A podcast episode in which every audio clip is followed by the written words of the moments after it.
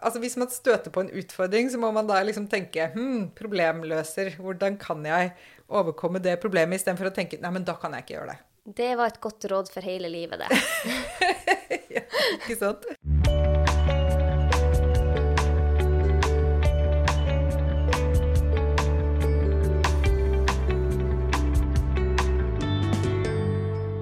Ja, i dag er jeg så heldig å ha Marit Kolby tilbake som gjest. Hun Marit hun er, for de som ikke har hørt det de foregående episodene, hun har jo vært innom ja, tre ganger nå, så er hun Marit eh, utdanna innen matvitenskap og ernæringsbiologi. Og jobber som høyskolelektor, eh, hvor hun bl.a. underviser ernæring og medisinstudenter. Hun Marit er en ivrig samfunnsdebattant og er opptatt av hva vi skal spise, og forskninga bak kostholdsrådene som blir gitt. Og hun skriver akkurat nå på en veldig viktig bok som kommer ut i løpet av et halvt års tid. Velkommen, Marit. Takk skal du ha. Ja, i dag skal vi snakke om hva skal vi spise? Det mm. er jo et tema du er veldig glad i å prate om. Ja, det er jo noe av det jeg egentlig formidler mest om. Det her med hva er det vi skal spise. Mm. Ja. Og det ble også en viktig del av boken min. Hvorfor er det så viktig å snakke om dette? Ja, det er jo viktig fordi at vi vet at maten spiller så stor rolle for hvordan vi har det. Mm. Eh, særlig med tanke på helse, men maten har veldig mange andre større effekter også. Det har vi fått vite mye om de siste årene. Vi vet at matproduksjon har mye å si for miljøet, ikke sant. Og det er så mange andre sider ved dette med maten eh, enn bare ren, de rene helseeffektene. Eh, og så vet vi også at eh, maten har eh, Det har mye å si for vår eh, sosiale, altså våre sosiale relasjoner. Det å spise måltider sammen f.eks. er viktig for, eh, for, det. Og sosiale relasjoner er utrolig viktig for oss mennesker. Så det er også en del av maten. Så det er så mye mer da, enn det som jeg tenker har vært formidlet før, så har mat ofte vært fremstilt som en slags sånn, eh, transportmiddel for energi og næringsstoffer. Mm. Eh, og jeg mener jo at det budskapet er veldig utdatert og veldig utilstrekkelig. Uh, og jeg ønsker at vi skal få en bedre samtale om hva vi skal spise. Mm. Uh, så den handler jo mer om det store bildet. Det handler om, uh, om, begynnelsen, om matproduksjonen, og hvordan vi tar vare på jorda vår, hvordan vi kan produsere mat på en måte som gjør at vi også kan gjøre det i fremtiden. Hvordan vi behandler den maten i etterkant. Hva slags form er det vi spiser den i? Spiser vi råvarer, eller spiser vi ultraprosessert mat? Og hvordan påvirker dette helsen vår? Hvordan behandler vi husdyrene våre underveis? Eh, og hvordan spiser vi faktisk maten? Altså spiser vi den litt sånn fraværende og bevisstløst i bilen på vei et eller annet sted? Eller setter vi oss ned og spiser måltider sammen eh, i, i, så stor grad som det er mulig? Mm. Eh, og også det med å, å, ha ro når man spiser, ikke sant? og ikke være stressa når man spiser, f.eks. Slike ting. Alt dette her til sammen eh, spiller en rolle. Eh, og der mener jeg at vi trenger et, et, bedre, eh, et bedre budskap og et mer oppdatert og mer helhetlig budskap da, om maten vår. Mm. Eh, og det er disse tingene her som jeg er opptatt av å, å formidle. Men eh, ja, det er jo særlig Eh, særlig to områder da, som jeg har mye fokus på. og Det er jo hva vi skal spise, og så er det dette med når vi skal spise, som vi har snakket mye om før. Mm. Og, og, begge disse to temaene her er eh, underkommunisert, mener jeg, da, i debatten om, om kosthold og, og helse. Ja. Så det er på en måte de to hovedtemaene som jeg har eh, konsentrert meg om. Ja. Ja, og vi har jo vært inne på det før. Eh, dette med ultraprosessert mot prosessert og ikke-prosessert mat. Så hvis dere vil høre den episoden, så eh, kan dere bare se på tidligere episoder med Marit. Og så har vi vært også inne på dette når vi skal spise. For det er jo viktig at man ikke driver småspiser hele tida. Kan ikke du bare fort si hvorfor at man ikke skal småspise hele tida? Ja. Um, det handler om at vi trenger pause fra mat i like stor grad som vi trenger bra mat og kvalitetsmat, så trenger vi pausene. Så, eh, og det er fort gjort å tenke seg at liksom mest mulig bra mat, det må jo være det som er mest, best for meg. Og at det da er om å gjøre liksom fylle på og fylle på, mer av, mer av, ikke sant, av disse bra tingene. Eh, og det er igjen da, det er veldig underkommunisert at pausene kan være like viktige eh, som den gode maten. Så vi trenger begge deler i kombinasjon. Eh, og det er fordi at det går noen viktige biologiske prosesser i kroppene våre når vi ikke spiser, som handler om å eh, rense og rydde og vedlikeholde og reparere. Mm. Og hvis vi spiser for ofte, så får vi for lite av de prosessene, rett og slett.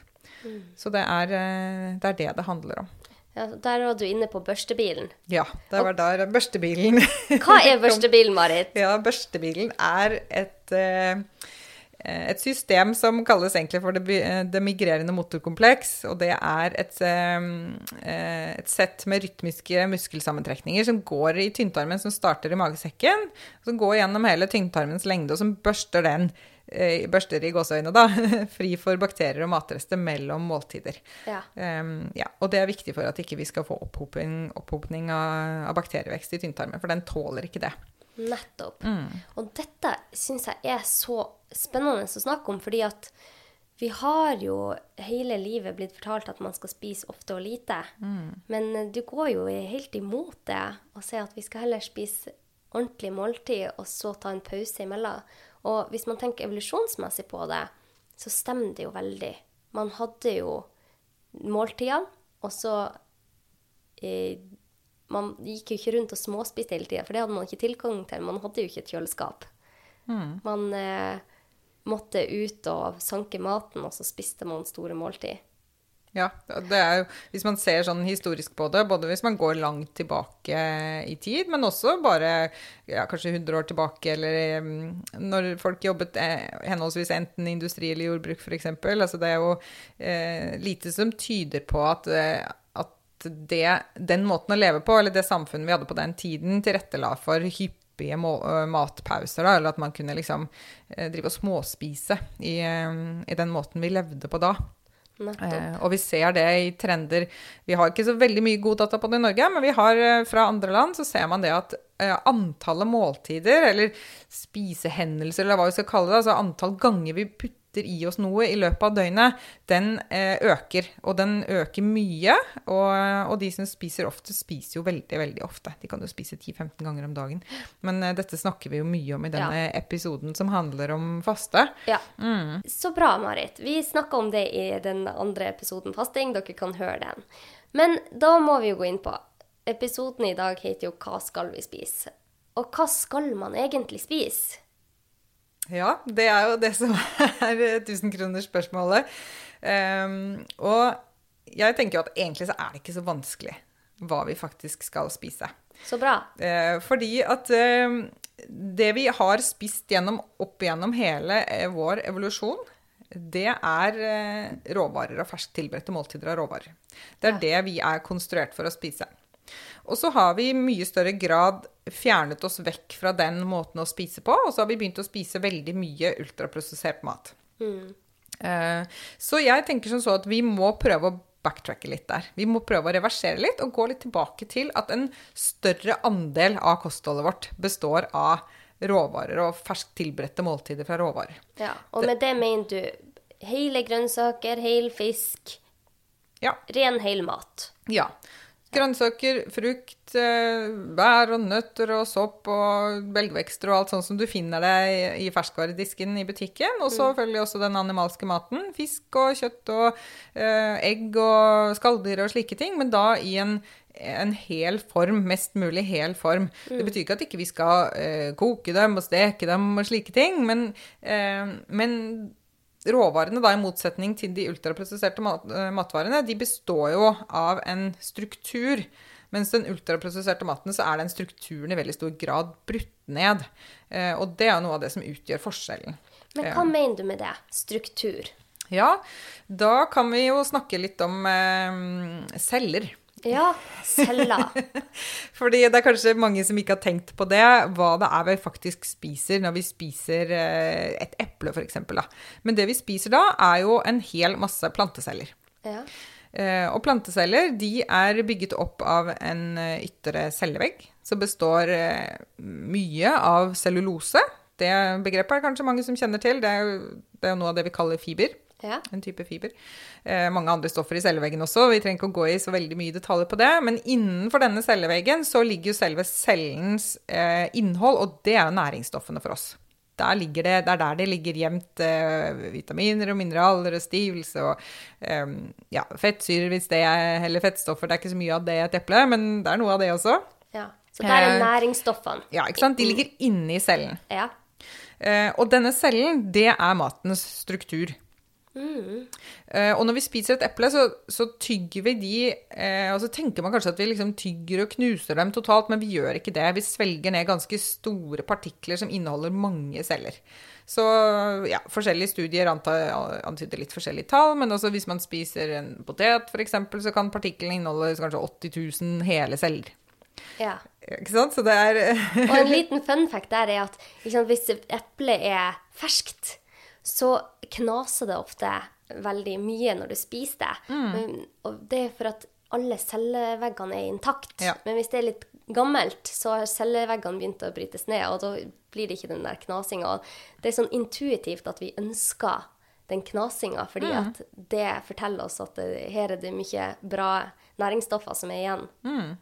Det kan hende at, det er noe, at vi har noe sånn innebygget der, ja. Men vi har også en sånn innebygget preferanse for knas. Ja. Det vet vi fra, fra forskning på ultraprosessert mat. Ja. Det bruker de jo for å få oss til å like den. Absolutt. Ikke sant? Eh, Og modifisere på mengden knas og kan, typen. ja, for det kan jo hende at det er noe intuitivt der, Mm. som eh, vi tenker at å, dette er bra for oss. Ja, Men Mm. Absolutt. OK, altså så celleveggen ønsker vi å ha intakt. Ja, og det er fordi at eh, den er på en måte en slags eh, Den blir en slags kontroll på frigjøringen av næringsstoffene. Så når vi tygger, eh, tygger da disse plantecellene, så frigjøres jo noen næringsstoffer, og det knuses en god del celler. Og så, og så svelger vi disse ned i, i magesekken, og så går de videre til tynntarmen, og så kan de begynne å, tas opp. Og der, i, både i magesekken og tarmen så blir det liksom eltet og knadd, og blir, går noe mer i stykker, og magesyren begynner å løse opp noe av, av maten osv. Så, videre. så det blir det frigjort etter hvert. Så blir det frigjort en del eh, næringsstoffer fra de knuste cellene. Men alt det som fortsatt er intakt, det vil ikke være tilgjengelig for opptak. Men det vil heller ikke være tilgjengelig for bakterier å ta til seg. Nettopp. Eh, Så det, eh, det som er en hypotese, da, er at når man spiser mat som inneholder hele celler, så tilfører man på en måte en mengde næringsstoffer som, eh, som vi kan klare å ta opp uten at bakteriene får for mye å spise. Um, så det var, det var planteceller. Ja. Eh, hvis vi spiser dyreceller, så er de også, eller altså animalsk mat, så er det også i stor grad bygget opp av celler. Ja. Eh, men de har ikke denne cellulose ytterveggen. Eh, de består bare av et en tynn, tynt lag med, med fettstoffer. Eh, og denne kan vi bryte ned da, i fordøyelsen vår, så vi tar til oss veldig eh, raskt og effektivt eh, nesten alt, alt det som, eh, som vi får i oss via dyreceller, da, hvis vi spiser kjøtt og fisk og skalldyr og slike ting. Ja. Og så er det noen typer matvarer som ikke har en cellestruktur. Sånn som melk har ikke det. Honning har ikke det. Eh, egg er jo egentlig bare én stor celle, så når du spiser den, så har den heller ikke noen cellestruktur. Um, og disse matveiene her er jo veldig sånn raskt De tas veldig raskt og effektivt opp i, i fordøyelsen. Eh, men, eh, men noe av det eh, trikset si, da, med denne maten hvor strukturen er bevart i celler, det er jo da som sagt å, eh, å forhindre vekst av bakterier. Eh, og det er fordi at denne plantecelleveggen, som består av cellulose, den kan ikke da brytes ned av våre fordøyelsesenzymer, så de intakte cellene de forblir intakte. Og så er det ikke alle eh, bakterier som kan bryte ned cellulose. Og hvis man sier det litt sånn grovt sett, så vil man kunne si at de bakteriene som er gunstige for oss, det er de som kan bryte ned cellulose. Mens bakterier som ikke er så gunstige for oss, det er de som er litt mer glad i fritt sukker. Altså Ja. fritt glukose og slike ting. Så på denne måten, ved å på en måte holde maten i en cellestruktur, så forhindrer man da at ugunstige bakterier får et forsprang i fordøyelsen. Og dette starter jo allerede i munnen, ikke sant, med at vi tygger. Så får, tilføres det jo bakterier både fra maten og fra munnen. Eh, og hvis man da har veldig mye sånne fritt tilgjengelige næringsstoffer, så kan det tilrettelegge for vekst av en ugunstig type mikroorganismer. Så det blir jo da forskjellen til den ultraprosesserte maten, som ofte er laget av ingredienser. Det kan være laget av raffinert mel, stivelse, eh, sukker, vegetabilske oljer osv. Alt dette her er jo da ekstrakter av matvarer uten noen cellestruktur. Og da har du ikke noen beskyttende struktur på maten som styrer denne eh, bakterieveksten. Så da får du full frigjøring og masse tilgang på veldig sånne enkle næringsstoffer allerede i munnen, og som følger nedover hele fordøyelsessystemet. Og hvorfor er ikke det bra? Nei, det er jo da fordi at bakterier som kan være ugunstige for oss, altså vi kaller disse for opportunistisk patogene bakterier, Mm. eh, bakterier som kan bli sykdomsfremkallende hvis de får en mulighet for det, Mm. Eh, de, er, eh, de kan være veldig glad i sånne fritt tilgjengelige, enkle karbohydrater, sånn som eh, glukose og, og slike ting. Og da vil de kunne på en måte få et forsprang da, i fordøyelsen eh, på bekostning av bakterier som vi egentlig hadde ønsket at skulle eh, vokse lenger ned i fordøyelsen. Da. Nettopp. Mm. Ja. Så jeg får mange spørsmål nå i hodet. Eh, La oss si da at du har en potet, og så moser du den. Da fjerner du jo en del av eh, cellestrukturene. Ja. Bør man helst spise en potet hel? Eh, ja, altså egentlig så tenker jeg jo at det beste vil jo være å spise mest mulig hel potet. Altså ikke rå, det er ikke bra for oss. Den inneholder noen stoffer som må, som må inaktiveres av varme. Ja. Så den må være varmebehandla. Men når det er sagt, så betyr ikke det at vi aldri skal lage potetmos. Men der er det jo en forskjell mellom industripotetmos og hjemmelaget potetmos. Okay. Fordi at hvis man eh, ser på industripotetmos i mikroskop, der er det ingen cellestruktur igjen. Men det er det hvis du ser på hjemmelaget potetmos, for du klarer rett og slett ikke å eh, raffinere denne poteten i så stor grad at den går i stykker. Eh, det blir små sånne klumper med celler, egentlig litt sånn tilsvarende kanskje det blir hvis du tygger poteten godt, da. Ja. Eh, og dette her var jo litt interessant, for dette snakket de om i denne TV-serien Eit feit liv, Ja, ja, som gikk på NRK i våres. Eh, og da snakket de jo med en, eh, en person som har studert dette her og skrevet masteroppgave på dette. Og hun forteller om det i en av episodene, jeg husker ikke hvor, hvilken episode det er, men det er litt sånn midt inn i serien eller noe sånt, tror jeg. Eh, så snakker de om dette her med, med cellestruktur på mat, da. Og hvordan det påvirker eh, annet eh, glukosestigning i blodet og sånn etter et måltid. ja. Eh, Jeg husker ikke om de snakker noe særlig om mikrobiota i, i den forbindelsen, men, eh, men det er i hvert fall også eh, relevant. Da. Så jeg vil absolutt si at det å lage potetmos selv, det er mye bedre enn å kjøpe industripotetmosen. Ja, absolutt. Ja, så det går For at sant, potetmosen som er industripotetmos, det står jo 100% potet, og man tenker jo at det er så bra. Men det er denne utdaterte måten å se på maten igjen, da. Ikke Mm. sant? At vi ser på maten bare som næringsstoffer og energi, og det er det eneste som teller. Og så vet, vet vi nå fra mye ny forskning at eh, struktur på mat er viktig for hvordan, Um, hvordan den påvirker kroppene våre. Eh, vi har liksom undervurdert dette her samspillet mellom kroppen og maten. Vi har tenkt på mat som en eh, ja, noe som bare tilføres passivt, og at vi bare tar det opp passivt. Men det er et veldig, veldig komplekst samspill mellom, um, mellom maten og eh, tarmfloraen vår og fysiologien vår som pågår hver gang vi spiser. Ja. Mm. OK. Ja, andre spørsmål jeg får da, er når vi eh, f.eks. spiser fiskekake. Den er jo industrilaga. Ja. Er alle cellestrukturene tatt da? Nå har ikke jeg sett på noe fiskekaker i mikroskop, så Har du ikke det, Marit? jeg har sett på mye annet rart i mikroskop, og det anbefaler jeg alle som har et mikroskop tilgjengelig, å drive og kikke på ting i mikroskop, for det er veldig interessant. Ma Ja. Matvarer, eksempel. Ja. Um, men, um, eh, men så der må jeg jo synse litt og anta litt. Men da kan du jo se litt på strukturen på fiskekakene. ikke sant? For at noen fiskekaker er grove. Så de vil jo typisk ikke ha blitt most og kvernet sånn at strukturen har gått i stykker så mye. Mens noen fiskekaker er veldig sånn finmalte, litt sånn fiskepuddingaktig. Ja. Eh, da vil jeg tro at veldig mye av eh, strukturen er eh, gått tapt. Ja. Eh, og det er ikke sikkert at det hadde vært så farlig i seg selv hvis det bare var fisk. Men problemet er at de, altså den typen fiskekaker har jo veldig lite fisk i seg. Så de har jo veldig mye mer annet istedenfor. De har mer stivelse, og de har eh, Ja, de har, kan ha tilsatt forskjellige sånne typer konsistensmidler for, at, mm. for å på en måte kompensere for den manglende fisken. da. Kanskje mer sånne vegetabilske oljer, slike ting. Så det er lite fisk der.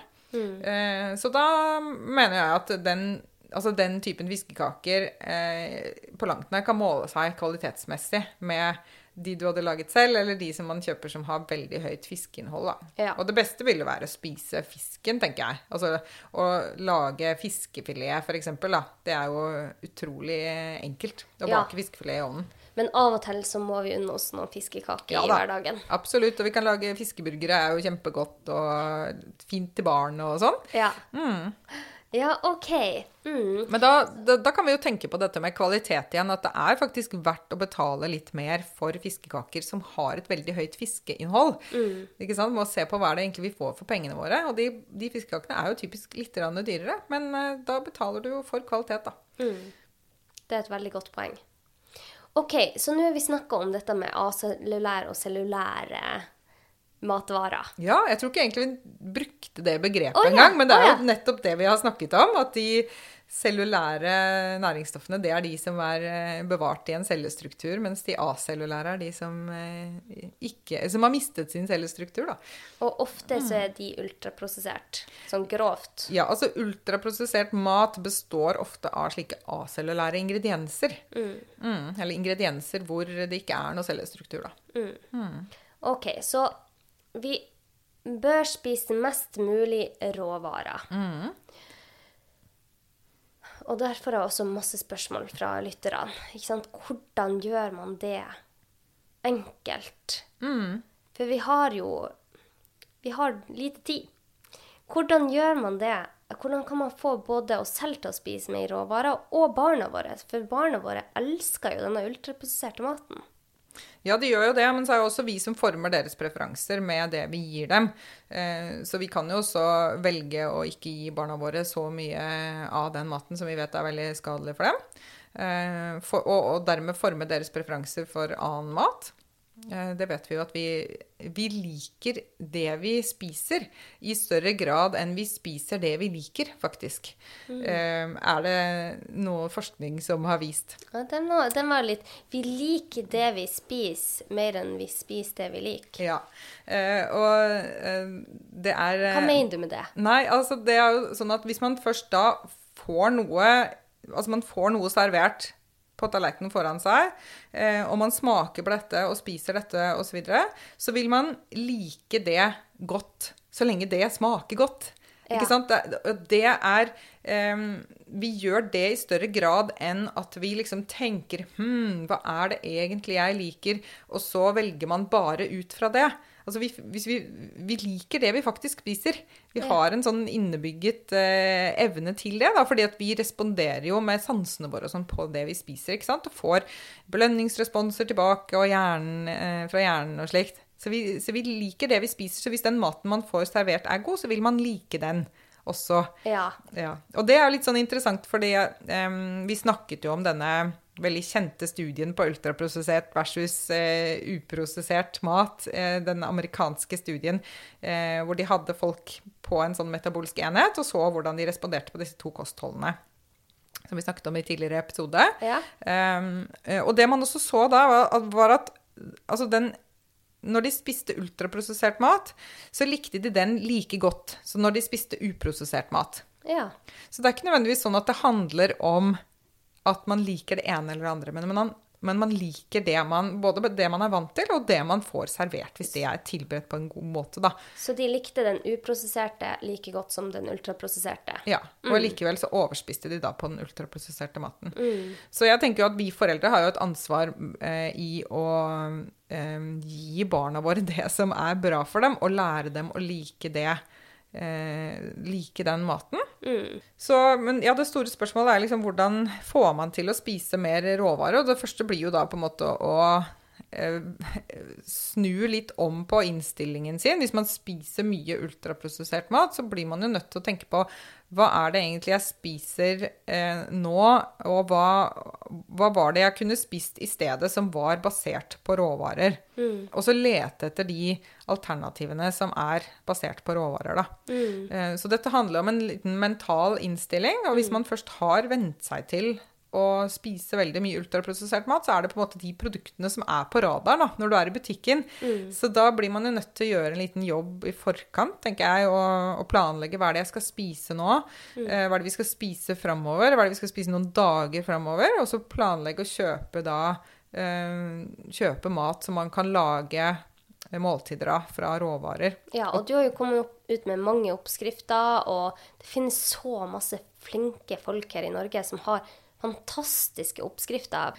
Så det er Man må bare bruke den Det tar litt tid å bare komme inn i disse oppskriftene, men hvis du har funnet deg ti oppskrifter som du liker, og som du syns er enkel å lage mat i hverdagen, så blir det veldig enkelt å gjøre det. Men med en gang man ikke har gjort noe, så er det så ork og gidd å starte. Så man må bare starte, og så kommer motivasjonen også. Mm, absolutt. Eh, også? Så det handler om å, å også mm, eh, ta på seg noen slags nye briller, da. Og se på matverdenen sin på en litt annen måte. Og orientere seg litt annerledes eh, i butikken. Ja. Så, men vi kan jo altså hvis vi, kan, vi kan jo se litt på hvordan man kan gjøre det i praksis. Altså Ja. liksom, egentlig litt sånn måltid for måltid gjennom dagen, og hvordan er det man kan tilnærme seg dette og gjøre ting Eller gjøre måltidene sine mindre prosessert, da. Ja, da starter Det gjør vi. Da Ja. starter vi med frokost. Ja, ikke sant? Eh, For det, det var litt morsomt da jeg var på Tore Sagen sin podkast, og vi snakket masse om dette her. eh, Og så fortalte han at ja, i forkant av at vi hadde e-post utvekslet, så hadde han blitt veldig oppmerksom på dette med råvarer. Ja. Eh, Og så hadde han begynt å tenke på ja, hvordan kan jeg spise mer råvarer, og, og støtte på masse problemer der. Ja, men den er jo prosessert, og dette er ultraprosessert, og hva skal jeg spise, liksom? Eksempel til frokost, da. Og det er jo da interessant å, å snakke litt om ikke sant? hva er det vi faktisk kan spise til frokost. Og, eh, og frokoster nå har jo, ja, består i større grad enn før av ultraprosessert mat, vil jeg jo tro, i de, de tusen hjem. Det er jo mye polarbrød og tubost og eh, eplejus og slike ting til frokost. Eh, og det er mye av disse frokostblandingene. Eh, og mange av disse frokostblandingene, særlig de som barna liker, de er jo ikke da bare hele korn. Du kan jo få det òg, ikke sant? En frokostblanding som er hele korn, vil være helt uh, topp. Uh, mens en uh, ja, disse puffy ringene som er tilsatt sukker, f.eks., uh, ikke er bra kvalitet, da. De er jo så- helt acellulære. Ja, ikke sant? Og har gjennomgått noen prosesser og sånn også som har ødelagt strukturen deres. Um, så jeg tenker istedenfor sånne type frokostblandinger, så kan man jo lage havregrøt. Det er jo en klassiker som aldri går av, går av moten, si, men som er veldig, veldig godt. Eh, og særlig når vi går inn i kaldere tider med høst og vinter og sånn, så er det å starte dagen med en porsjon havregrøt er jo veldig, veldig Det føles veldig godt. Og husk å ta med en fettkilde der. Ja, ikke sant? Jeg pleier å slenge en klump smør i, i havregrøten, og da får den ekstra god smak også, sånn at man blir litt, eh, blir litt mett og får litt forsinkelse av mage-sekktømming og sånn. Holder seg mett lenger. Ja. Um, noen sier at de blir veldig fort sultne igjen av å spise havregrøt. Eh, så, så da kan det være et triks å ha oppi litt mer fett. ja, for det ble jeg. Jeg ble veldig fort eh, sulten av havregrynsgrøt. Mm. Men etter at jeg begynte å tilføye en god porsjon fett i det, sunne fettkilder da, så blir jeg mett lenge. Og Mm. Ja. kan holde til lunsj uten problem. Og denne havregrøten, der kan man jo tilsette flere ting også. Man kan f.eks. rive et eple oppi der. Man kan eh, tilsette noen rista frø eller nøtter og slike ting, gjør, som bare gjør at det, hele smaksopplevelsen blir mye bedre, og at hele måltidet blir eh, sunnere. Man får i seg flere forskjellige mm, matvarer som man har godt av. Eh, altså mine barn spiser også mye bare havregryn med melk og rosiner. Det syns de er helt topp. Det er liksom en sånn enkel frokost som, eh, som aldri slå feil. Ja. Um, det vi også kunne gjøre mye mer, er å lage byggrynsgrøt. For vi dyrker jo mye bygg i Norge, ikke sant? Vi, eh, fra, på egne ressurser. Eh, Det spiste man jo også mye mer i gamle dager. Så for å få ta litt tilbake den matkulturen og få litt variasjon, da, så kan man jo variere mellom havregrøt og byggrensgrøt. Men den trenger litt mer koketid, så den kan man gjerne koke på forhånd. eh, Og ha den ferdig i kjøleskapet, f.eks. Et tips der er at vi bruker ofte byggryn istedenfor ris til middag. Mm. Og så koker vi bare ekstra opp, så til neste morgen så koker vi opp den byggrynen med litt ekstra havregryn. Så blir det sånn havregryn og byggrynsgrøt. Veldig enkelt. Kjempesmart. Så det burde vi absolutt eh, spise mye mer av. Veldig fin eh, råvare. Og barna elsker det jo. Eh, hvis man har i litt eh, syltetøy Jeg kjøper inn eh, frosne bær, og så tar jeg bare koker det lett opp, legger i litt skiafrø, et par skjeer, og så litt sukker etter preferanse. Mm. har det på toppen, så elsker de det. Eller Ceylon, kanel og litt honning. For ja, man skal kutte ned på sukkeret, men jeg tror at det er mye bedre det å ha litt honning i, eller litt sukker i, enn å spise Cheerios til frokost. Ja. Det Nei, jeg alt tror med også det. måte. Mm. Og, og vi ser jo også det at um, Altså ikke det at vi skal liksom snakke fram sukker, men vi ser at når matkulturen vår har endret seg nå som de har gjort de siste årene, i, og i samme tiden som vi har hatt en veldig økning i forekomst av overvekt og fedme f.eks., så har sukkerforbruket vårt gått veldig mye ned. Um, så det ser ikke ut som at det er så enkelt at man liksom bare skal fjerne alt sukker, og så er maten kjempebra. Um, jeg tenker jo at det å ha, da spise disse grynene som har denne strukturen intakt, er viktig. Og at eh, det å tilføre litt søta bær eller noe sånt på toppen er eh, antageligvis mye bedre enn å da spise noe sukra hvor hele strukturen er vekk. Sant? Som mm. f.eks. Cheerios. Da. Ja. Eh, så noe annet som vi bruker en del, er eplemos. Ja. Enten lager det selv eller kjøper det. får man kjempefin eplemos fra Helios f.eks., som bare er epler. Den er kjempegod. Den tilfører en del sødme, den også. Eh, litt rosiner av og til også, eh, så lenge de er eh, økologiske. Så, for det er mye, mye sprøytemiddelrester i, i rosiner. Eh, så er det også en måte å liksom søte på uten å tilføre da det hvite sukkeret, da. Ja. Mm, ja. så det er med tanke på sånne kornprodukter da, til frokost, eller sånne frokostblandinger, så, så tenker jeg å spise gryn eller grøt. Det er kjempebra. Um, og så er det jo Det vi kanskje spiser mest av, er jo brød. Eh, og da spiser vi jo mye sånn industribrød. Eh, og brød er det veldig mye å si om. ja, men vi må si noe om det. Ja, vi må si noe om brød. Ja. Um, og det er også noe som jeg har skrevet veldig mye om opp igjennom. For det, altså, noe av det som har skjedd med brødet vårt, er jo at vi har gått fra en brødbakingspraksis som tok den tiden det egentlig trengte å ta. Altså Før så var jo det å bake brød en treig prosess. Eh, man bakte jo typisk med surdeig, og dette tok kanskje åtte timer et eller annet sånt nå, for å få en ordentlig heving. Det som skjer i den prosessen da samtidig, er at du også får frigjort mineraler fra, fra melet. Fordi i melet så sitter mineralene bundet i noen sånne komplekser eh, til noe som heter eh, fyt, eh, eller fytat. Og da Hvis man ikke får den tiden det trenger, så får man ikke denne frigjøringen av disse mineralene. Og så er det også en del andre stoffer i korn som kan være litt problematiske for fordøyelsen vår. Så, sånn at hvis vi tåler altså Mange av oss tåler det ikke så godt i store mengder.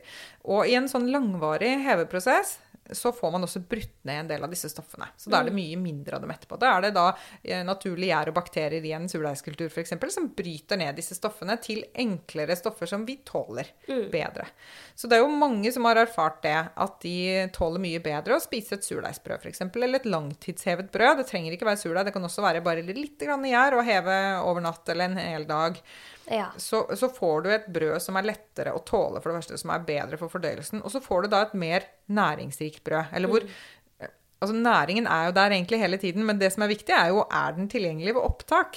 Kan vi faktisk ta til oss disse mineralene? Kan vi ta opp jern og de andre mineralene som, er, som vi vil gjerne ha fra kornet, da? Og det er vanskeligere å ta opp når ikke det er langtidsheva. Ja, for da er de ikke frigjort. Da er de bundet i disse kompleksene i mye større grad. Så man trenger å få frigjort det. Så noe av det som har skjedd med moderne brødbaking, er at vi faktisk har fjernet den viktigste ingrediensen, mener jeg, og det var tiden. Ja. Så vi tok bort tiden, og så har vi eller vi, altså i bakeindustrien, da, har jo søkt å hele tiden bake mer effektivt eh, og redusere på hevetiden. Eh, og med det så har man da fremstilt brød av dårligere kvalitet.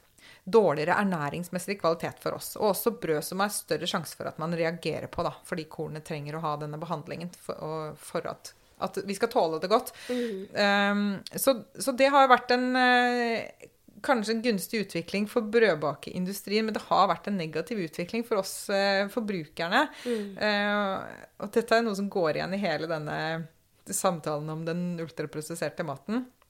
Eh, så, men, men, der ser vi jo en trend egentlig litt vekk fra dette her nå. Jeg ser at det er stadig flere av brødene i butikken hvor det står at det er langtidshevet. Ja. Så der er det absolutt en, eh, en endring på gang.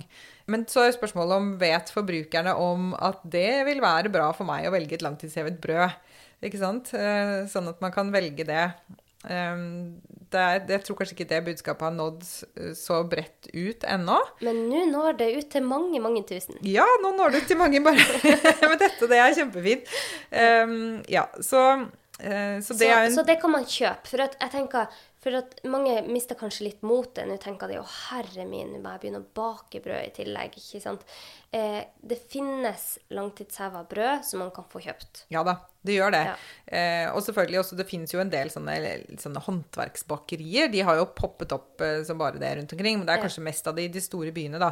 Ja. Eh, men de lager også veldig bra brød og bruker langtidsheving. Eh, så det er jo bare å spørre dem. Det, hvor lenge er det dere hever? Har dere noe som er langtidshevet? Har dere noe som er sånn og sånn? Jeg vil ha sånn og sånn. ja. Og så skal jeg legge ut oppskrifta som eh, min samboer Henrik laga, for den er kjempeenkel. Han bare rører sammen noen ingredienser, lar det stå over natta, og så baker vi det ut. Og det, mm. det er veldig lite tidkrevende, men det er igjen å gjøre det én gang. Mm. For det er så tiltak å gjøre noe første gang. Ja. Men prøv den og se om det kanskje kan være. Det er ikke med surdeig, så det er litt enklere. Mm.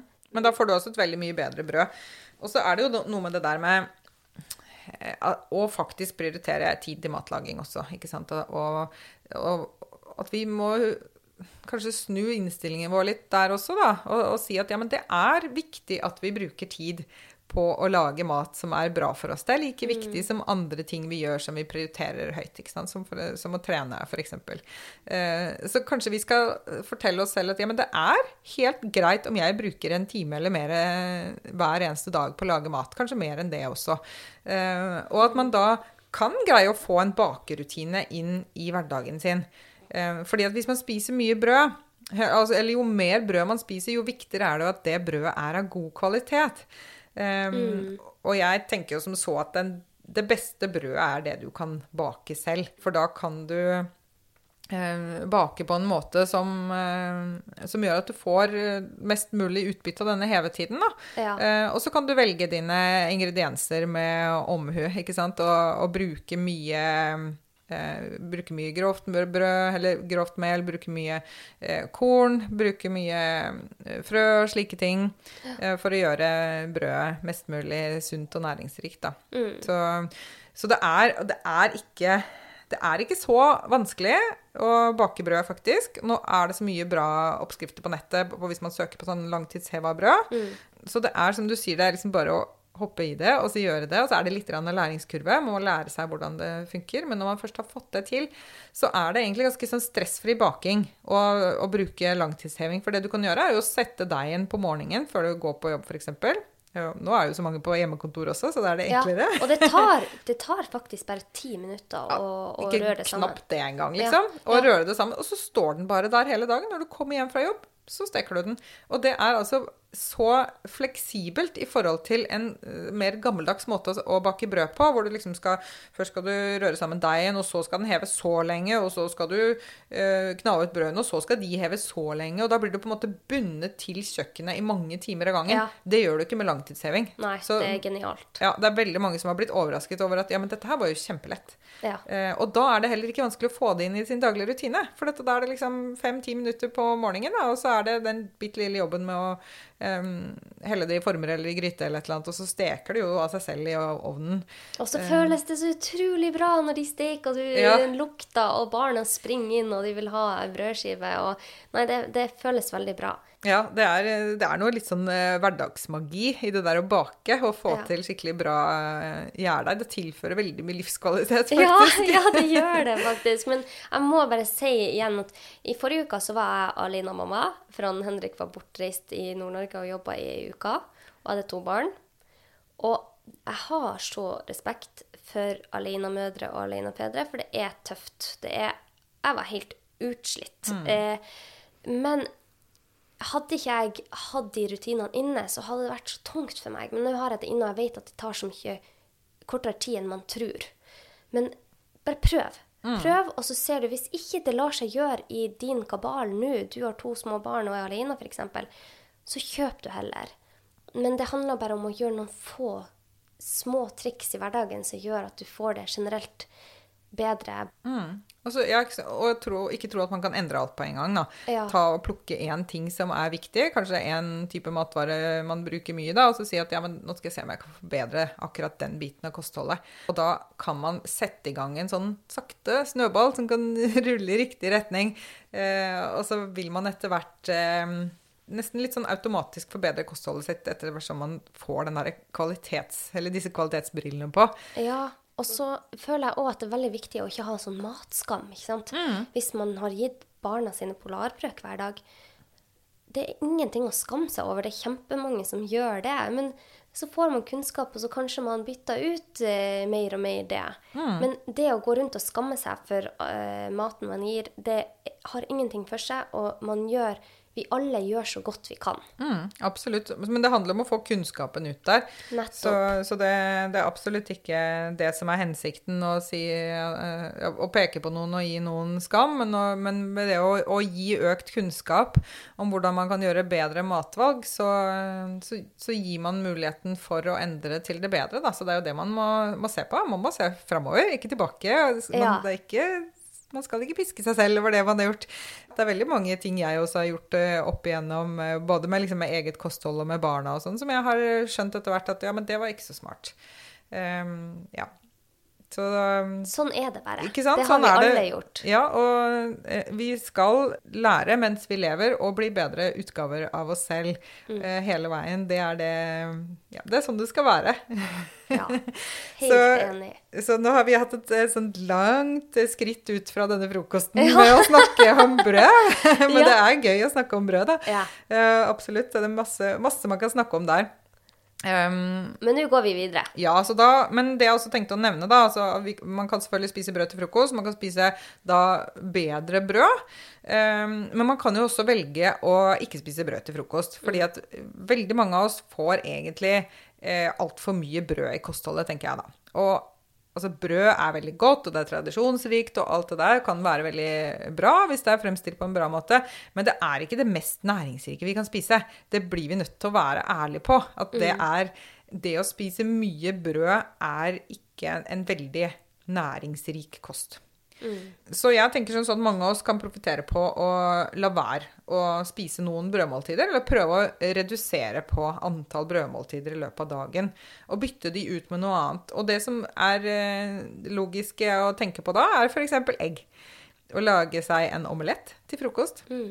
Og særlig hvis du er en sånn som ikke blir så godt mett av, av karbohydratrik mat. Da. Hvis du er en sånn som spiser brød eller knekkebrød og eh, grøt og er sulten igjen etter en time, prøv å spise omelett istedenfor. Da blir man jo mett på en helt annen måte. Eller dette er også individuelt, da. Noen blir veldig mett av, av, av sånn mat, og noen blir veldig mett av karbohydratrik mat. Så der, der må vi se litt på hvordan vi responderer på det. Men å ja, lage en uh, omelett med litt uh, ost og noe paprikaskiver på. Det trenger ikke å være vanskelig. Det er, det er veldig, veldig, veldig enkelt. Veldig godt. Masse næring. Eh, og gir god metthet og kan holde deg mett i mange timer utover dagen. Mm. Og nå er du jo inne nesten på lunsj nå, fordi at det kan du jo gjøre òg. Lage en omelett og ta med til lunsj. Absolutt. Og så når vi først snakker om det der med å være mett og holde seg og så videre, så har vi, vi har jo også snakket om det, mye om dette før med å, med å faste. Og hvis man da eh, Det er jo også et alternativ. Man kan jo skippe frokosten. Ja. Det, det, har du spist frokost i dag? Jeg har ikke spist frokost i dag. Ikke heller. Jeg tok sitron i teen min, og så gikk jeg tilbake og eh, tok det ut for at uh, du sa at da da slutta jeg den faste sirkelen min. Nei, sa jeg det? Nei, du sa kanskje ikke det. Du hinta kanskje om det.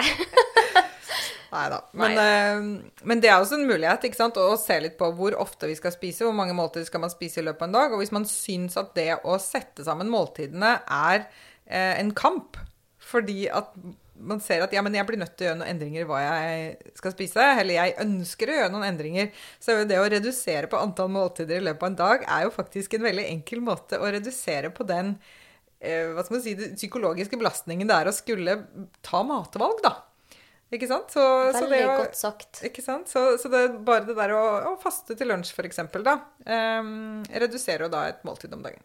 Så det er den siste muligheten for å forbedre frokosten. Og det er sikkert noen andre muligheter der ute også. Uh, og det er litt sånn avhengig av hvor, uh, hvor sær i gåseøynene man er, da, på hva er, man, hva er, det jeg aksepterer som en frokost. Uh, før så har jeg vært hatt veldig sånn, sterke oppfatninger om hva som får lov til å være en frokost. Ja. Uh, og det har jeg egentlig slutta med etter hvert. Så jeg kan, fint, jeg kan, finne på å spise middagsrester som dagens første måltid. Enten det er klokka ni eller klokka tolv. Hvis jeg har lyst på det. Mm. Um, så hvorfor ikke? ikke hvorfor ikke? Har du, rest, har du, laget suppe da, dagen før? Hvorfor ikke spise suppe til frokost? Det er jo ikke noe veien for det heller. Mm. Eh, og sånt gjør man mer i andre matkulturer da, enn i Norge. Det er jo mange sånne sånn Sørøstasiatisk kjøkken f.eks. så er det mange som spiser suppe til frokost. Ja. Eh, så, så, det er også noe å tenke på. Tenke litt annerledes eh, om hva som kan være, være frokosten. Og det har du så. sagt før òg, å lage en god del mer enn du trenger til middag, så du kan òg ha det til neste dags måltid, om det er til lunsj eller mm. middag igjen. Bare, for da sparer man så mye tid. Ja, absolutt. Det er jo det som er hele hemmeligheten bak eh, kokkeyrket. Ikke sant? Mm. De står jo ikke og lager hvert eneste måltid fra scratch de, idet de får bestillingen inn på kjøkkenet. Da hadde, da hadde vi aldri fått noe mat på restaurant i det hele tatt. De har uh, gjort ferdig ting de kan gjøre ferdig på forhånd. Har preppet og har kuttet ting og har, liksom, har kuttet grønnsaker og, og sånn og har det ferdig. Så det å liksom tenke litt mer på hva kan jeg gjøre ferdig eh, nå, mens jeg allikevel holder på å lage middag, f.eks. Hva kan mm. jeg, kan jeg kutte eh, to gulrøtter til og bruke de til noe i morgen? Kan de gå i barnas matboks? Sånne ting. Og hele tiden tenke framover når man lager mat. Så kan man få så mye eh, gratis, da. Ja, og det er det vi mm. trenger. Vi trenger litt gratis. Vi trenger litt drahjelp her. Ja, absolutt. Ja. Så, men da kan vi jo snakke litt om lunsjen, da, kanskje. Ja. Hva er det man kan spise til lunsj? Eh, og da nevnte du at man, den omeletten fungerer jo også kjempefint til lunsj. Mm. Eh, og det, det, er jo helt eh, super lunsjmat.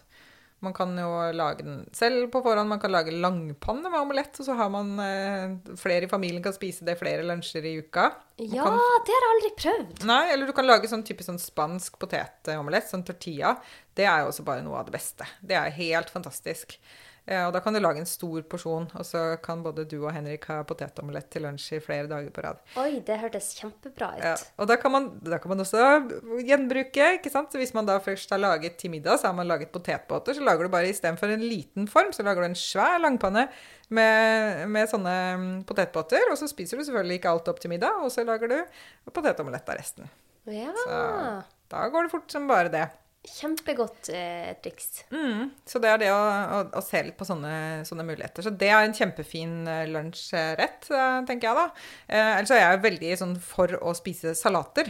Ja. Eh, og da tenker veldig mange på med en gang en sånn grønn salat med litt tomat og agurk på, og, og det blir jeg jo ikke mett av for det, mange tenker på det som sånn eh, diettmat. Ja, ikke sant? Mm. Men det er ikke sånn jeg lager salat. Jeg har litt grann grønn salat i salaten min også, men det er stort sett det mine salater består av. Det er mye mer av det som gjør meg mett. Altså det kan gjerne være mange hardkokte egg, det er mye nøtter, eh, frø, slike ting. Jeg bruker rester av kjøtt. Det kan også være fisk fra middag.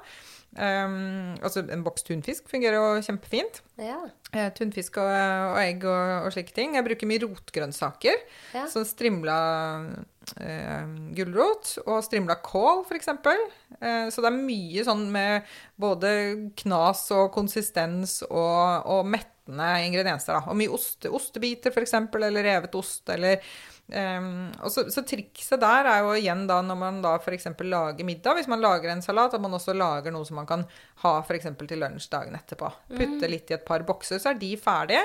Og så da, det man kan gjøre i tillegg da, f.eks. da å hardkoke noen egg og uh, ja, ta med seg litt uh, kjøttrester hvis man har det, eller Så, så må man liksom ikke tenke på salat som én sånn spesifikk uh, sammensatt matrett. En salat betyr jo egentlig en blanding. Så egentlig hva som helst kan jo gå i en salat. Masse matrester, rester og grønnsaker. Alt mulig rart kan havne oppi der. Mm. Så hvis man tenker litt nytt om det, så fungerer det veldig fint. Og da kan man kjøpe ferdig dressing og ha på jobb, f.eks. Eller man kan også lage seg dressing på forhånd, for det er også noe av trikset. Du orker ikke å stå hver eneste gang du skal spise salat og lage deg en dressing.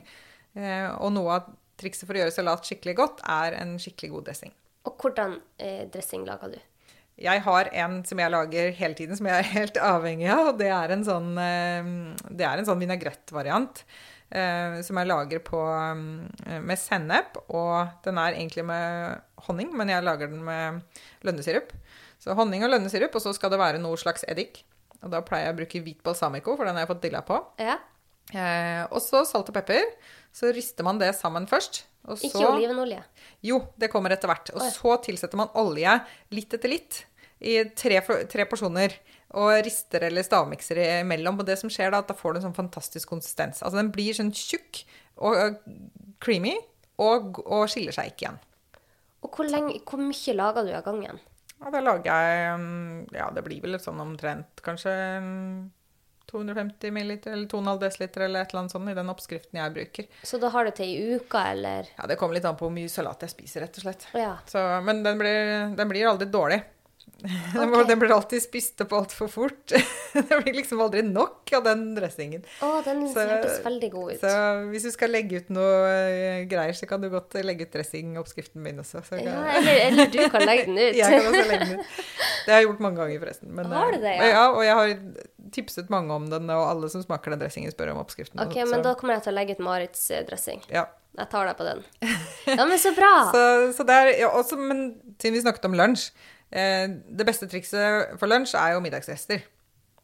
Det er jo det enkleste, beste måten å få gode lunsjer på. Eh, er du hjemme, så spis de hjemme, og er du på jobb, så ta de med deg en, eh, en eller annen boks.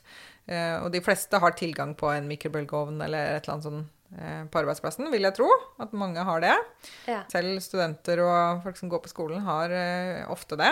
Ja. Så da kan man slippe slippe å lage seg et lunsjmåltid, og så slippe å kjøpe seg et lunsjmåltid da, i en kantine eller noe sånt. Noe. Ikke, det er selvfølgelig ikke noe galt med det, men det det, når du først er i gang med å lage middag, så er det så lite jobb å lage litt ekstra, som vi snakket om da. Ja.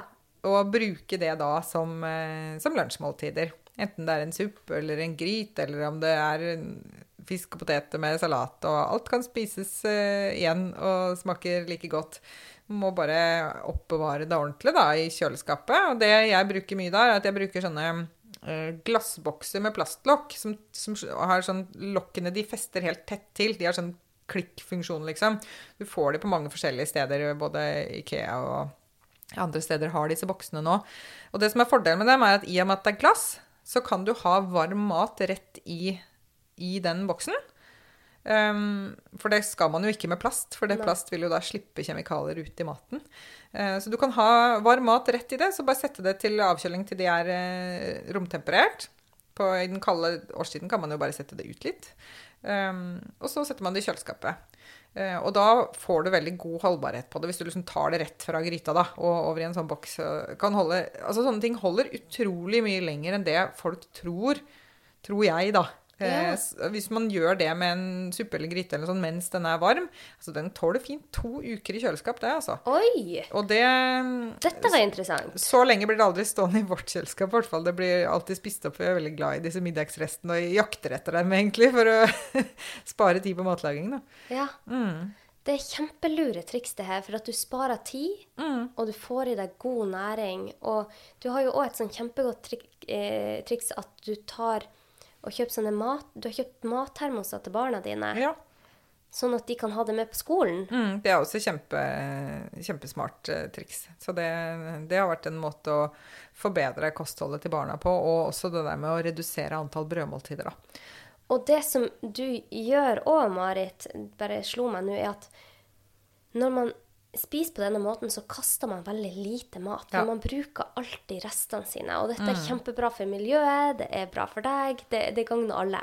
Absolutt. Og der eh, har vi jo alle en jobb å gjøre. Vi vet at vi kaster eh, mye mat. eh, men, eh, men det er noe som, som vi ikke gjør i det hele tatt eh, altså hjemme hos oss. Vi kaster så å si ikke noe mat. Eh, og det er fordi vi hele tiden te altså tenker på liksom, hvordan kan vi gjenbruke rester.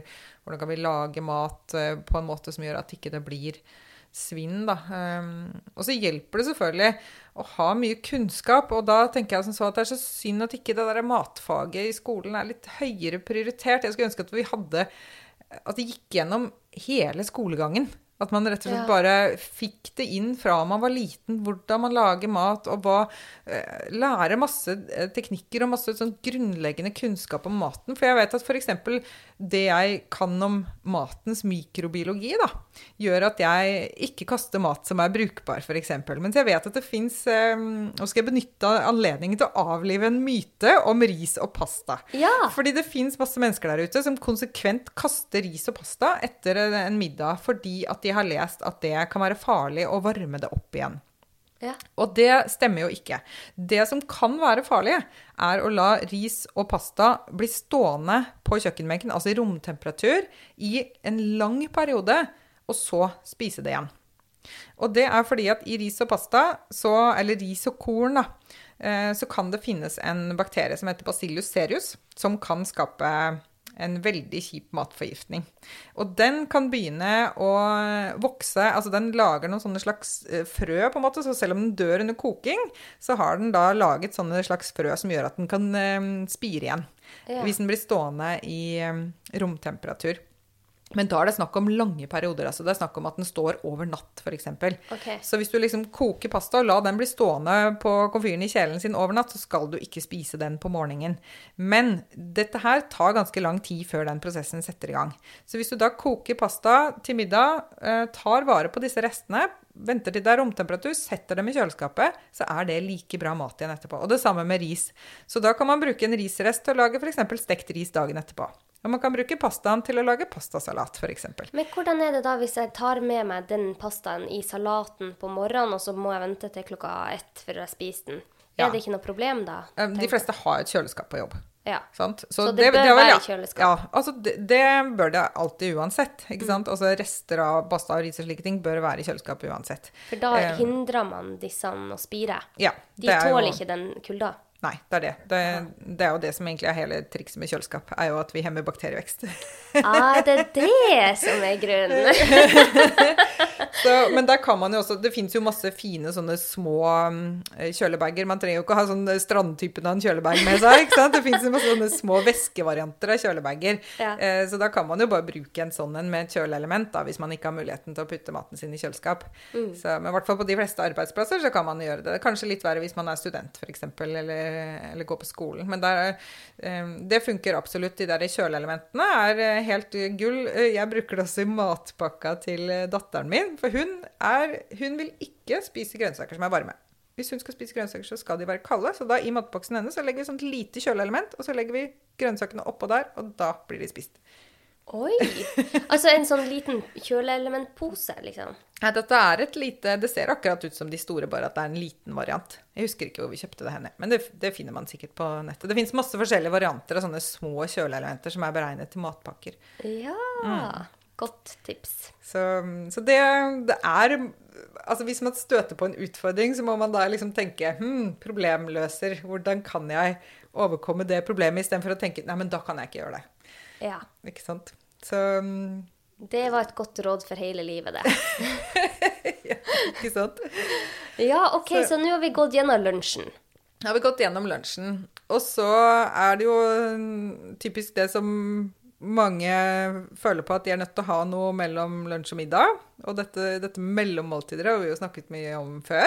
Mm. Eh, og da, så det kan vi jo anbefale folk å høre på den perioden om faste, og virkelig ta noen runder med seg selv om trenger jeg egentlig disse mellommåltidene. Mm. Eller skyldes det at jeg har dårlig energi og er veldig sulten nå, skyldes det enten bare en psykologisk oppfatning om at jeg ikke fungerer når jeg er sulten, eh, som kanskje ikke stemmer. Fordi den sulten kommer, og den sulten går. Eh, og varer ikke så lenge. Eller skyldes det at jeg har spist en altfor liten lunsj? Altså, har man spist en, en um, tynn tomatsuppe uten noe mer oppi, så er det klart at man holder ikke til, til middag. Eller to tynne brødskiver. Jeg blir ja. kjempesulten av det. Ikke sant? Eller et par knekkebrød. Jeg ser jo at mange spiser utrolig lite mengde mat, og, mm. og lite mettende mat da, mm. eh, til lunsj. Så da, da, kan det hende at det er det man skal gjøre i stedet for å legge inn disse mellommåltidene som har en tendens til å bli dårlige. For det er mm. mange som tyr til disse industriproduktene som mellommåltider, som er av veldig dårlig kvalitet. Mm. Men det er klart, hvis man er sånn at man må ha et mellommåltid for å fungere, så er det jo ikke prinsipielt galt i det heller. I hvert fall hvis man er liksom frisk og funksjonell og, og, sånn, så skal man jo ikke endre på alt man gjør. Um, men da igjen tenke hva er det jeg kan spise som mellommåltid som er råvarer, da. Og ja. da kan man jo tenke Frukt og nøtter er jo en veldig fin kombinasjon som gir både ja, litt sånn rask energi og fett, sånn at man holder seg mett litt. Og så er det veldig bra kvalitet mat, da, som mange også får lite i seg, eller får i seg for lite av. Eh, men det går også an å tenke litt sånn utradisjonelt. Altså man kan spise noen ostebiter og noen cherrytomater. Man kan spise et hardkokt egg og noen oliven. Det er mange måter å sette sammen eh, mellommåltider av råvarer på. Mm. Mm. Så, men mellommåltider er jo en veldig fin anledning for å få i seg frukt og grønt og bær og sånne, sånne ting. da. Så eller så kan man jo også da, hvis man velger å kutte ned på antall måltider, så kan man heller legge sånne ting som en dessert til middagen. Sånn type eh, frukt og bær og nøtter og sånn. Ja. Mm. For nå nevnte du middag. Ja. Hva skal man eh, spise til middag, Marit? Ja, hva skal man spise til middag? Der er det selvfølgelig veldig mange forskjellige um, alternativer. Um, men, eh, men, det var det med å se seg om etter råvarene igjen. Mm. Um, og da tenker jeg at hvis man har begynt å bruke veldig mye industriprodukter, prøve å tenke på hva er det som er råvareutgaven av dette her. Så hvis man f.eks. bruker mye sånn eh, panerte fiskeprodukter, uh, vurdere å Ja, man kan ikke bare kjøpe en fiskefilet istedenfor. Det fins jo nesten ikke noe som er enklere å tilberede enn en fiskefilet. Den bare kan man ha litt krydder på, slenge i ovnen, og så mm. fikser den seg selv. Jeg har et lite tips der. Mm det vi gjør her For at jeg er ikke så glad i å lage mat. Mm. Jeg har aldri vært det. Min mor er kokk. Kjempedyktig. Helt rå på kjøkkenet. Jeg har ikke arva den eh, entusiasmen med å stå og lage eh, mat. Men jeg er blitt mer og mer glad i det ettersom jeg har fått mer kunnskap. Men eh, når jeg kommer hjem etter jobb og har to barn som er kjempesultne, eh, og jeg tenker åh, skal jeg bruke masse tid på å lage mat, så vet du hva jeg gjør? Mm. Jeg skjærer opp eh, rotgrønnsaker, f.eks. rødbeter, gulrøtter. Har de i bunnen på en eh, sånn ildfast form. Tar det i ovnen med litt oliven i. 185 grader, for olivenolje tåler ikke mer enn det. Litt krydder bare. Lar det stå i en halvtime. Ok, Det er kanskje litt lenge for folk å vente, men for meg så kan jeg gjøre mange andre ting mens den står der. Og så mm. tar jeg på torskefileten på toppen, eller ja. lammekjøttet, eller hva du skal ha til. Og så bare legger jeg det oppå når det har gått en halvtime, 40 minutter. Mm. Og så lar jeg det stå i 10-15 minutter til. Mm. Og da har du så utrolig lite oppvask òg. For oppvask er det verste jeg vet. Ja, helt enig. Jeg også søker hele tiden til middagsretter som ikke genererer mer enn én kjele. Ja, jeg vet det. Det er genialt. Oh. Så, ja, så jeg er veldig glad i supper og gryter, så det, det, det lager jeg veldig mye av. da. Ja. Nettopp fordi at da går alt i den ene gryta, og så blir det så lite oppvask etterpå. Ja. Uh, så det er jo noe som jeg tenker er kjempefin uh, middagsmat. Og hvis man igjen tenker at ja, men jeg blir ikke mett av suppe, så må man jo tenke litt på hvordan er det egentlig man lager denne suppa. Den kan jo da inneholde veldig mange ting som man blir mett av. ikke sant? Man kan jo lage uh, supper med kjøtt og fiskesupper med store, fine fiskebiter i. ikke sant? De plopper man jo bare oppi til slutt, og ligger et par minutter, så er de ferdig trukket. Ja. Um, jeg liker også å lage sånne gode, gammeldagse sånne um, gulasjsupper og sånne, sånne type kjøttsupper og sånn. Um, Syns jeg er kjempe, har kjempegodt. Liksom en, har du én suppe eller gryte som er enkel å lage, som du kan nevne her i dag? Ja, altså det jeg kanskje nesten lager mest, er egentlig en tomatsuppe. Ja, Mm. og hvordan gjør du det? Da lager jeg den fra revne rotgrønnsaker. Bruker sellerirot og gulrot ofte som base. Eh, og så freser jeg de i um, olivenolje. Og så tilsetter jeg hermetiske tomater og uh, tomatpuré. Og så lager jeg egentlig en litt sånn tjukk tomatsaus. Og så må man smake den til, da. Med litt sukker, litt balsamic og eddik, og så salt og pepper og, og krydder. Eh, oregano og basilikum og slike ting. Um, og så står den der og putrer en stund, og så stavmikser jeg den. Og da blir det egentlig en tjukk tomatsaus. Eh, og da kan den brukes til veldig mange forskjellige ting. Så den har jeg da typisk da på, på varme glass, og så det blir en slags sånn light hermetisering, på en måte. Eh, og da holder den seg veldig lenge. Og da, hvis jeg skal lage suppe, så tar jeg den tjukke tomatsausen, og så blander jeg den med kraft. Så har jeg tomatsuppe. Eh, men da spiser vi sjelden den bare sånn som den er. Barna liker å ha fløte i, så det får de, sånn at den blir litt eh, kremete. Og så bruker vi opp gammelt brød og lager eh, brødkrutonger. Det er også kjempepopulært. Det er jo, det er jo så godt. eh, å lage brødkrutonger. Og så bruker vi f.eks. hardkokt egg. eh, men kan også bruke rester av ja, kylling f.eks. Og, og ha oppi suppa, sånn at man blir ordentlig mett. Linser er veldig godt å ha oppi. Linser, ja. Det er mange forskjellige. Og grønnsaksrester, ikke sant. Har man noe Eller kan, kan jo koke noe nytt, ikke sant. Noen uh, brokkolibiter eller Så man kan utfordre litt sånn vanen der også, da. Med hva er det? Hva er en tomatsuppe? Hva får jeg lov til å gjøre med en tomatsuppe? Jo, du kan gjøre, kan gjøre akkurat hva du vil. Ja! Så har du rester av lammesteik, skjær den i biter og putt oppi, ikke sant. Det er veldig mye sånn eh, Vi gjør mye sånt, da. ja. Så um, Og det tar faktisk like kort tid som å kjøpe en Toro ferdig eh, suppe, nesten. Altså, ja, det, til det, sammen gjør det jo det. det tar kort tid. Ja, det, tar ikke, det er ikke mye arbeidstid å lage, sånn, eh, å lage en sånn tomatbase, da. En sånn tomatsaus. Eh, og så har jo den, den da på lur, så når jeg først skal lage suppa, så går det jo kjempefort. Ja. Mm. Bra. Så- Veldig godt tips. Så ja, så vi snakket om middag. Er det noe annet vi kan si om eh, middag? Jeg tenker sånn generelt, Du nevnte jo det der med å ha rotgrønnsaker i en form. Men noe annet jeg også gjør da, med barna, er jo at hvis de er litt sultne, og det er litt lang tid til middag, så det første jeg gjør, er bare å kutte opp masse rå grønnsaker. Ja. Eh, agurk, paprika gulrot sånn, så setter jeg det på bordet, for da er det ikke noe mer gnåling Ja. om eh, når er det middag. For Ja. da bare, og så svosj, så forsvinner de grønnsakene. Og da er det heller ikke noe gnåling om å spise grønnsaker til middag. Vet du, det er så genialt. Jeg gjør det samme selv, og det lærte jeg av min mor. Og da spiser man disse grønnsakene uten å ha tenkt seg om, nesten. Mm. Og de får i seg, for de er så sultne. Da er det det de får i seg, så får du på en måte prioritert det beste.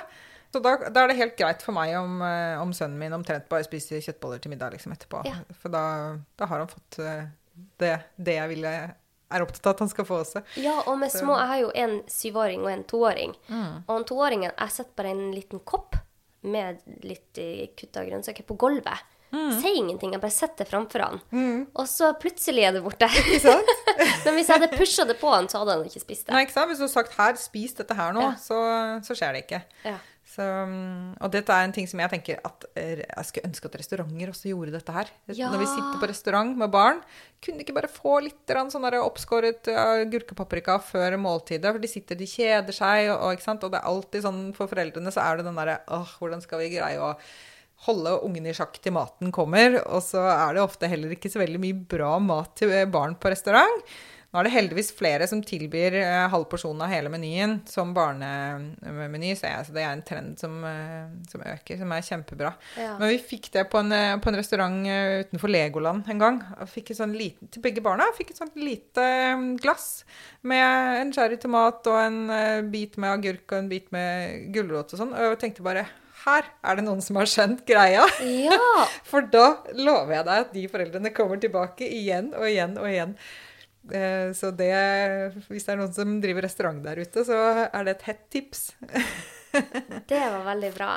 Ja, OK. Og så går vi over til kveldsen, da. Ja, Um, hvis man skal spise kveldsmat, da. Ja.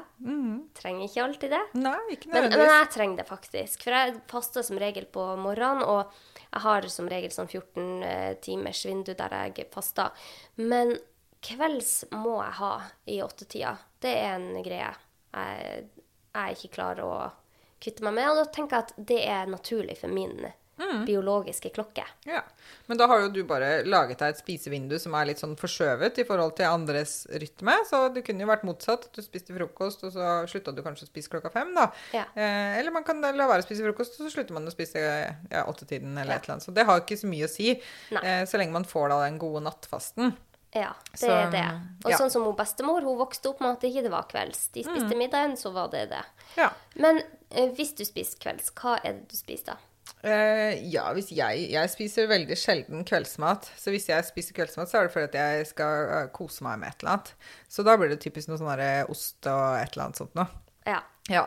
Ja, Noe sånn snopemat. Men, uh, men ellers, hvis jeg skulle spise et mer sånn ordentlig måltid, så tror jeg kanskje at, eh, at jeg hadde eh, lett etter noen middagsrester eller noe sånt der. Eller kanskje spist en salat eller suppe eller et eller Mm. ja, annet for det bør ikke være for mye Nei. proteiner og fett på kvelden. Fordi det tar så lang tid, og fordøyelsen vil du at jeg skal slappe av når du sovner. Så jeg, pr jeg prøver så langt det lar seg gjøre å spise da heller F.eks. kan jeg spise havregrynsgrøt til kvelds, for jeg spiser jo ikke til frokost.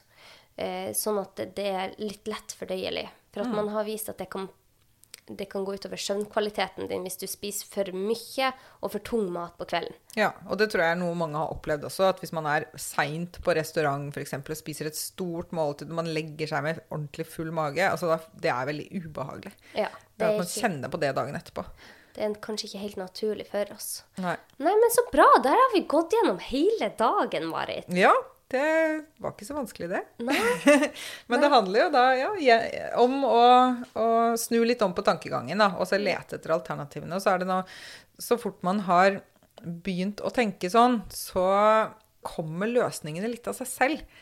Um, det er det veldig mange som, eh, som sier til meg, da. Altså jeg får mye meldinger om hva folk gjør, og hva som har fungert for dem og sånn. Og det er så mange som sier det at jeg måtte, jeg måtte liksom bare snu litt om på tankegangen, og så gikk resten av seg sjøl. Og det også mange sier, som jeg syns er litt kult, er at de, de lar det på en måte gå litt sport i det. Jeg skal og det der med å unngå den ultraprosesserte maten. Jeg skal bare finne andre løsninger. Ja. Uh, og når de først setter i gang med det, og, og er litt sånn Nei, vet du hva, jeg skal søren ikke spise det der. Jeg skal finne en annen, eh, en annen, et annet alternativ, ellers så faster jeg bare til neste måltid. Og så blir det en slags sånn innstilling hvor de uh, Ja, hvor den gode endringen kommer av seg selv i større og større grad fordi man har, endret uh, tilnærming og tankegang. Da. Så det syns jeg er veldig morsomt å, å høre. Også fordi at eh, Og dette her handler jo ikke om, dette handler jo ikke om, liksom, om moralisme, og du skal spise dette, og det er dette som er riktig å spise, og det som vi snakket om i stad, at man skal påføre folk skam osv. Altså, hensikten med dette her er jo at man skal spise mat av bedre kvalitet og få bedre helse gjennom det. Og det er jo det så mange melder tilbake om. At de sier at ja, men nå kuttet jeg på det, nå gjorde jeg sånn, og nå har jeg gjort disse endringene. Jeg føler meg så mye bedre. Og, og ikke minst, det er utrolig mange som, eh, som sliter med vekt, da. Eh, og som ikke klarer å gjøre noe med det. Men når de da begynner å gjøre disse endringene med å kutte den ultraprosesserte maten, begynne å vende seg mot råvarene og kanskje spise litt sjeldnere, så skjer de endringene helt av seg selv. Og så sier de Det er så påfallende mange som har sagt at ja, og by the way, jeg har gått ned så mange kilo, men det har jeg nesten glemt fordi at det var alle de andre positive endringene som var blitt viktige for meg. Ja. Ikke sant? At man er kanskje blitt kvitt kroniske smerter, man er blitt kvitt masse sånne andre plager. Eh, og så har de samtidig gått ned i vekt. Ja. Fordi kroppene deres har rett og slett bare fått en mulighet til å fungere bedre da, via den endrede maten. Ja. Og det er jo det som er kanskje motivasjonen for de fleste. Hvorfor skal man gå over fra ultraprosessert til råvarer? Og det er jo det at man får bedre helse. Ja. Men det er så mange ringvirkninger her. Man får bedre søvn. Man får mer energi. Man får bedre selvfølelse.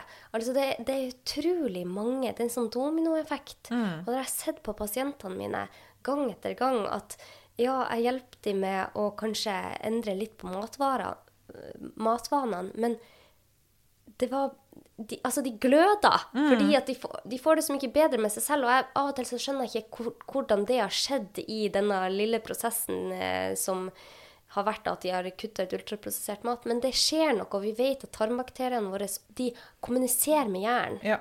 på et eller annet vis. Og man får det bedre med seg selv. Og det er jo det jeg er så utrolig opptatt av å prate om i denne podkasten, hvordan vi kan få det bedre i livet vårt. Mm. Ja, ikke sant. Og det handler jo om det. Og det også, tenker jeg er fint at du nevner det, at uh, det handler jo om helse. Uh, og det bør ikke være sånn at, uh, at det bare f.eks. er vekt som er motivasjonen for å gjøre en endring. At man må liksom tenke på at jeg, nå skal jeg først og fremst prøve å eh, se om jeg kan gjøre en endring som er bra for meg totalt sett. Mm. Eh, og så kommer gjerne disse andre endringene man har lyst til å få til som en følge av det. Ja, at man ikke bare har vekt som motivasjon. Da. Det er litt det samme som, som å trene. ikke sant? Vi vet at trening er bra for absolutt alt, mm. bortsett fra vektnedgang. Ja. Så hvis det å gå ned i vekt er den eneste motivasjonen for å trene, eh, så vil det fungere veldig dårlig. Da vil du få veldig dårlig, eller føle at du får dårlige resultater av det. Men hvis mm motivasjonen for å trene er, er å kjenne på at eh, Kjenne hvordan kroppen fungerer etterpå. Kjenne hvordan jeg har sovet en dag jeg har trent. Kjenne hvordan, jeg, hvordan føler jeg meg, hvordan jeg, føler jeg meg mentalt. Alle disse tingene her. Og bli litt mer våken på det. Mm. Eh, så, så, får man en bedre forståelse av hvordan disse positive endringene påvirker en. da. Og mm. sånn tenker jeg at det er med maten også.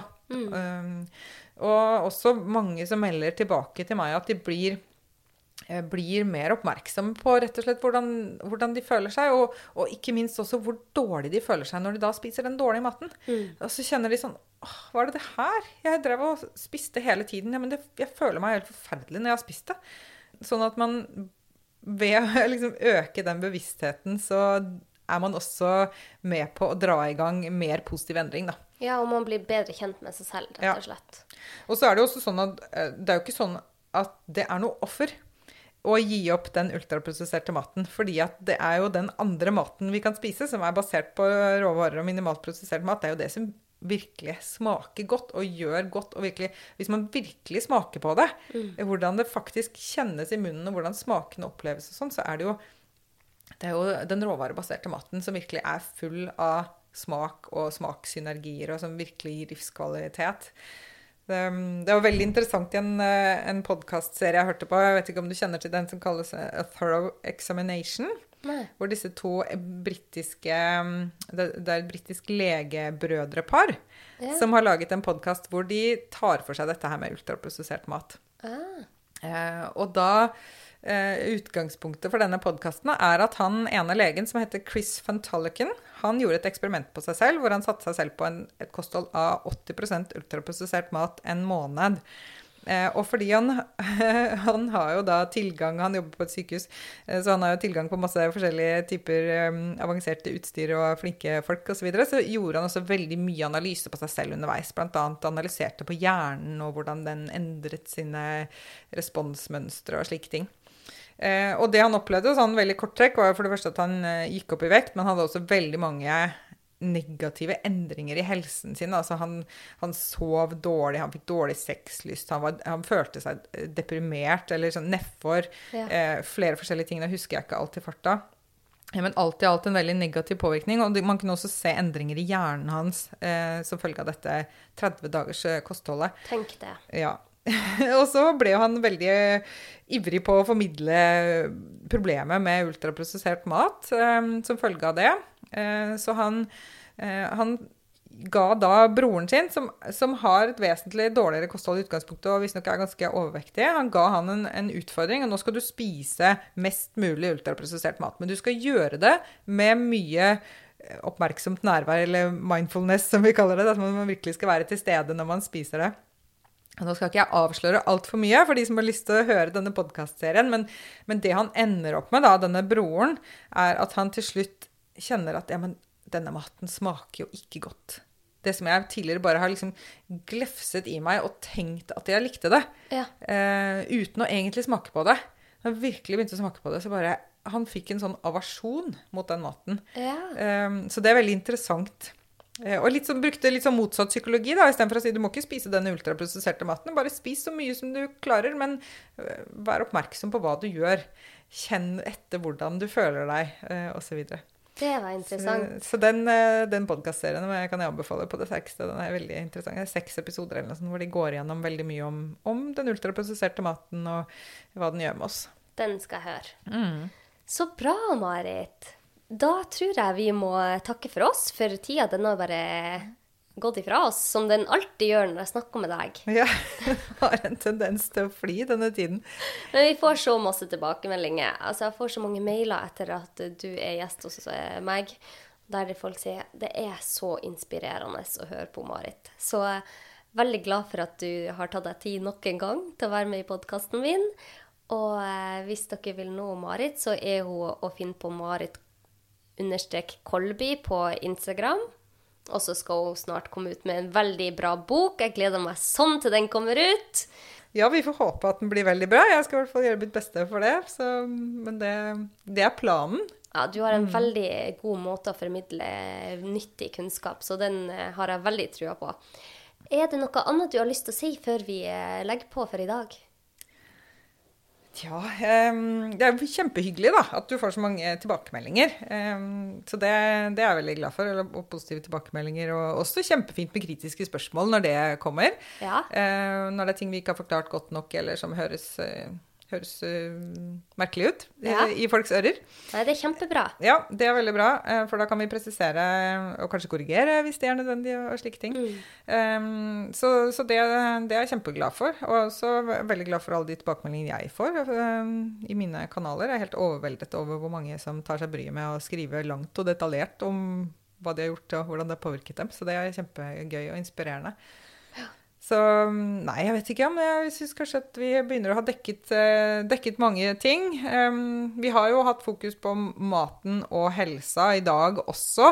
Um, jeg tenker det er jo andre aspekter vi kunne gått inn på som vi ikke har snakket om. Altså det, dette med det mer helhetlige aspektet som vi begynte med, da. Der er det jo også flere ting med maten som vi kunne ha snakket om. F.eks.